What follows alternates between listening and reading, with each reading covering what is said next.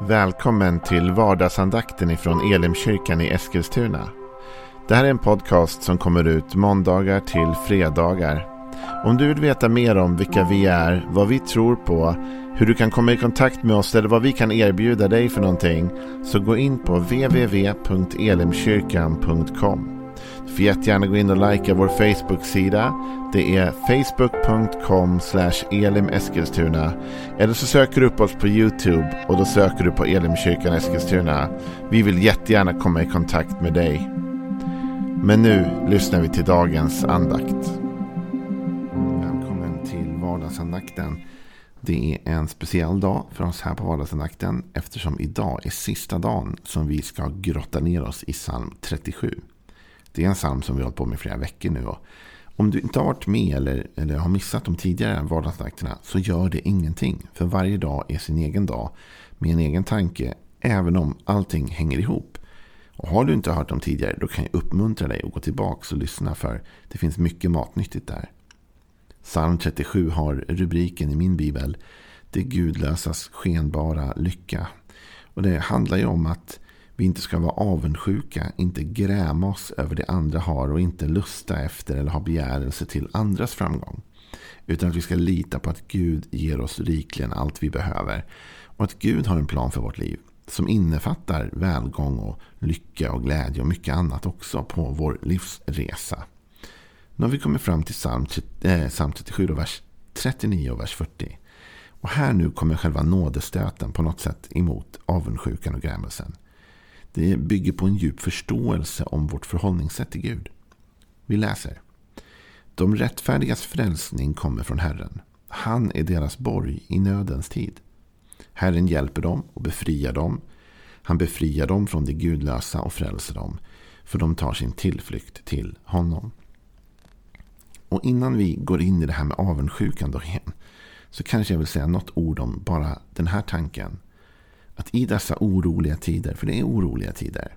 Då vi inte vet om framtiden. Vi vet inte exakt hur vår ekonomi kommer att vara påverkad. Vi vet inte exakt allt som ligger framför oss och vi kan känna oro. I de här tiderna så måste vi inse att Gud är en borg i nödens tid. Han är vår räddning. Han hjälper oss. Han befriar oss. Han frälser alla de som tar sin tillflykt till honom. Så du och jag har ett val nu. Att med all vår oro för framtiden och med all vår kanske ångest och nöd och, och alla problem vi har. Ge dem till Herren. Och när vi ger dem till Herren då tar han ansvar för det och blir vår borg. Nog om det, för det är inte temat för idag egentligen. Utan nu kommer själva nådastöten då mot avundsjukan. Vers 39. Det rättfärdigas frälsning, eller räddning, vilket det betyder, kommer från Herren. Han är deras borg i nödens tid. Det här kan ju tyckas vara en helt eh, okontroversiell tanke. Och kanske helt okomplicerad också. Ändå är den inte det. För här talas det om det rättfärdiga. Och det rättfärdiga det var ju de, speciellt i gamla testamentet, som, som levde rätt. Och som levde efter Guds vilja. Och som gjorde det rätt och var duktiga på ett sätt. va. De rättfärdiga frälser sig själva. Nej, så står det inte.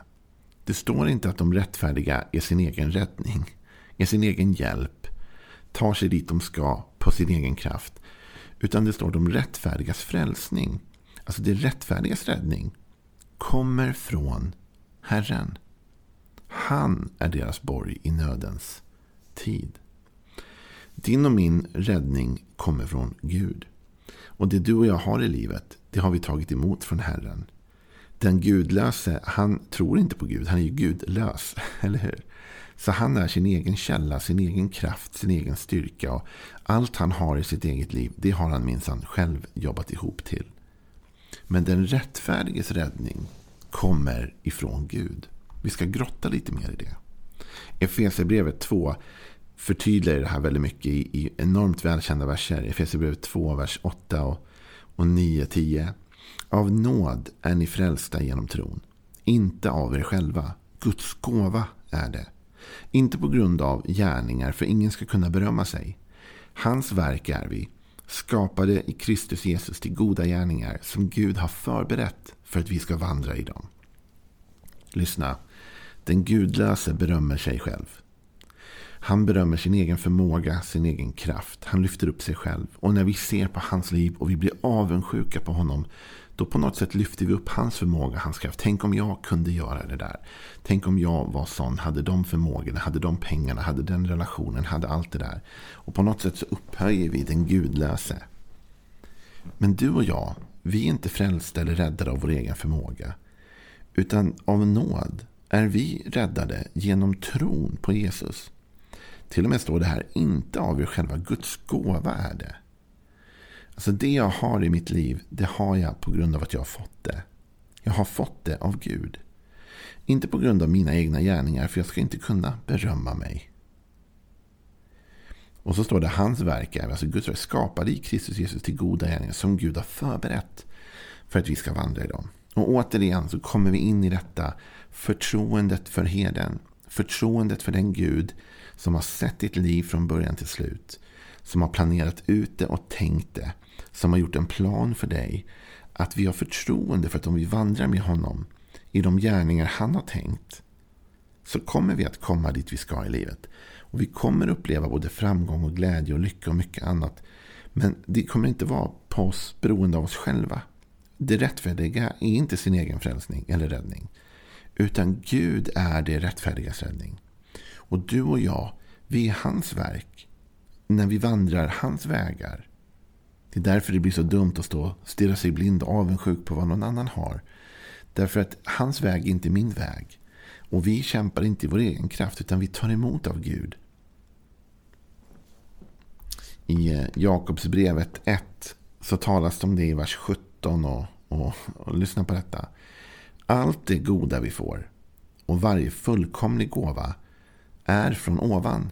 Det kommer ner från ljusens far som inte förändras eller växlar mellan ljus och mörker. Vilken fantastisk vers. Allt det goda vi får, varje fullkomlig gåva kommer från ovan. Du vet, det jag har i mitt liv, det har jag fått av Gud.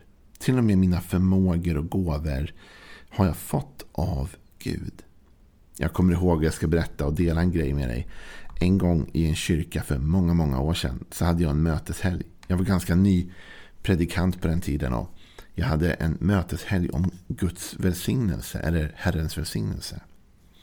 Och jag kommer ihåg att jag hade talat på lördagen i den här kyrkan och på söndagen så skulle jag avsluta med en söndag klockan 11 gudstjänst killen som ledde mötet på söndagen var betydligt äldre än mig. Och jag kände till honom en del. Och jag visste vem det var. Liksom. Det var ingen främling för mig så. Jag visste att det var en väldigt framgångsrik man på sitt jobb. Och han hade en otroligt fin bil. Faktum var att på den tiden så var nog hans bil värd mer än vad mitt hem var. Det var en sån där lyxig bil. Och jag hade väl inte ett så jättelyxigt hem. Så det gick väl på ett ut. Men, men det var en väldigt, väldigt dyr bil. Och jag vet att han klev upp på söndag förmiddag och så sa han så här att eh, ja, Gud har ju aldrig lovat oss några materiella gåvor eller välsignelser. Och det var som att han högg ut så mycket av det jag hade talat om dagen innan. Liksom. Och jag kände mig störd av det, men jag visste inte heller hur jag skulle bemöta det. Det låter ju fromt och det låter ju liksom ödmjukt, eller hur? Gud har aldrig lovat oss det.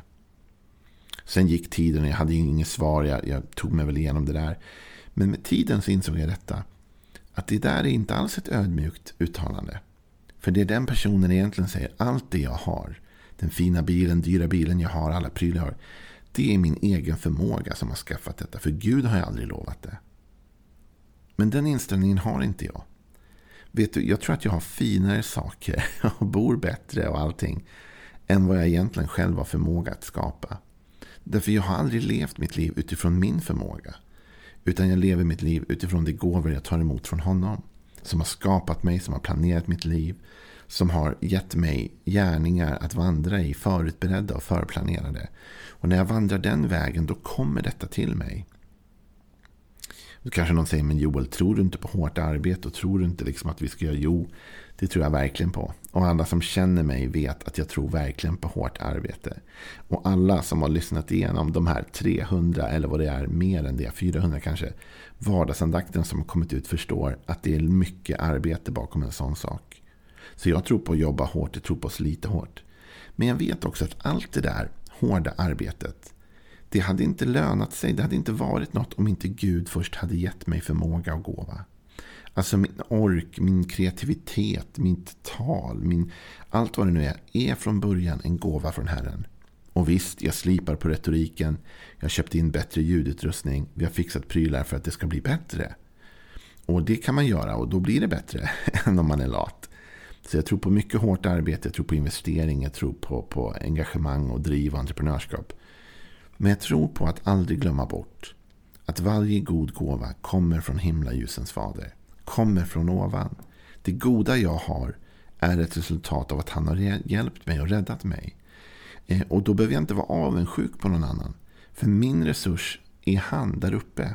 Alltså med andra ord, avundsjukan bottnar ofta i att om du har någonting som inte jag har, då känner jag att du nästan har snott det från mig på något sätt. För jag borde ju ha det du har. Även om du inte har tagit det från mig så kan jag känna att liksom, ja, men du fick det där jobbet. Eller du har den där bilen eller klockan. Eller du har den där familjen. Eller du har den där statusen. Eller du har. Och så känner jag att det är på min bekostnad på något sätt.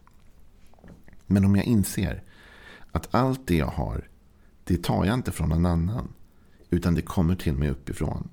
Ja, men då har jag en helt annan frihet behöver jag inte sätta press på dig eller vara avundsjuk på dig. Utan när jag längtar efter något eller när jag drömmer efter något, då vänder jag mig uppåt. Och Bibeln uppmanar oss till det. Gör alla era önskningar kända inför honom. Så du och jag, vi får lyfta våra önskningar upp till Gud. Vi behöver inte snegla på varann. Varje god gåva kommer från ovan. Men för att avsluta så fortsätter det då. Och då kommer den största dödsstöten här nu. Är du med? Första Korinthierbrevet, det sjätte kapitlet. Nej, det fjärde kapitlet och den sjätte versen. Bröder, säger Paulus, detta har jag för er skull tillämpat på mig och Apollos. För att ni ska lära er den regel när det gäller oss att inte gå utöver vad skriften säger och inte skryta över den ene på den andres bekostnad. Vem ger dig en särställning? Och vad har du som du inte har fått? Och om du har fått det, varför skryter du då som om du inte hade fått det? Ni är redan mätta, ni är redan rika, ni har blivit kungar och det utan oss. Jag önskar att ni verkligen hade blivit kungar så att vi kunde regera tillsammans med er. Paulus han talar om att det går inte att skryta och det går inte att ställa sig över någon annan. Vem har gett oss någon sorts särställning? För vad har vi egentligen som vi inte har fått? Med andra ord, allt det jag har i mitt liv, allt det goda jag har i mitt liv, det är en gåva från Gud. Och allt det goda du har i ditt liv, det har du fått från Gud. Och då kan vi ju inte skryta mot varandra, för ingen av oss har egentligen förtjänat det vi har av det goda. Utan det goda är oss givet av Gud, för han är vår frälsning. Vi är inte vår egen frälsning eller vår egen räddning. Jag är inte utlämnad åt mig själv, utan jag vilar i hans hand. Och det innebär att vi all den där typen av särställningar, all den där typen av över-under-skryt mot varandra försvinner bort. När vi inser att det är Gud som fördelar och ger sina gåvor som han själv önskar. Så där talas det om de andliga gåvorna. Ibland kan man ju vara avundsjuk på det och tycka att det var någon som hade den gåvan och någon hade den gåvan och någon hade den gåvan. Och de kanske själva lyfter upp sig själva. Ja, det är för att jag fastar och ber så mycket. Och det är för att jag har den här, läst Bibeln så mycket och gjort så här mycket. Och hungrade så här mycket och vad det nu är. Men vet du vad Bibeln säger? Anden fördelar sina gåvor som den vill. Och det innebär att du och jag, vi kan inte skryta över det. De gåvor jag har i mitt liv. Om jag har en undervisningens gåva, om jag har en profetisk gåva, om jag har en, vad det nu är för gåva. De här gåvorna, de är mig givna. Jag har inte förtjänat dem. Jag har inte vunnit dem, jag har inte köpt dem. Utan Gud har gett dem till mig. Och det innebär att jag kan inte höja mig över någon annan. Därför i mig själv så är jag ju inte bättre än någon annan. Utan i mig själv så är jag bara ett tomt brustet kärl som Gud kan använda om han vill. Så när vi avslutar den här serien om avundsjuka så handlar det om igen att ha förtroende för Gud. Att ha förtroende för att han kan leda oss, att vi är hans verk skapade av honom till goda gärningar som han har förberett att vi ska vandra i. Då behöver vi inte snegla på varandras livsresor utan vi, har, vi tittar på vår egen väg. Vad är det Gud vill leda mig idag? Vad är det Gud vill ge mig idag? Vad är det Gud vill låta mig få vara till välsignelse idag? Och så inser jag att allt det goda i mitt liv, det kommer från Gud. På samma sätt som allt det goda i ditt liv också kommer från Gud. Och vi kan därför inte skryta eller jämföra oss med varandra. För att Gud har ibland olika planer för oss. Men, men ingen av oss skulle vara något utan honom. Bibeln säger att det är i honom vi andas, lever, rör oss och är till. Så avundsjukan har ingen plats i den troendes liv. Därför den bygger på, på ett missförstånd av att det vi har, har vi förtjänat. Att det vi har, har vi tagit, har vi köpt, har vi kämpat för. Men faktum är att utan Guds nåd och Guds gåvor hade du och jag inte haft någonting. Och jag tror på hårt arbete och jag tror att vi ska slita, kämpa, jobba, utveckla våra gåvor. Men utan gåvorna i första läget hade vi inte haft något att utveckla. Hade vi inte haft något att jobba med. Så tacka Gud för det du har idag. Se det du har idag. Se alla goda gåvor som Gud har gett dig. Och ta sikte på att följa hans väg. Ha förtroende för honom. Han vet vilka planer och tankar han har för dig. Han kommer ge dig en framtid och ett hopp. Så håll ut och kämpa vidare. Hörni, imorgon är det inte psalm 37. Spännande, eller hur? Lyssna då för att se vad vi snackar om. Ha en bra dag. Hej då.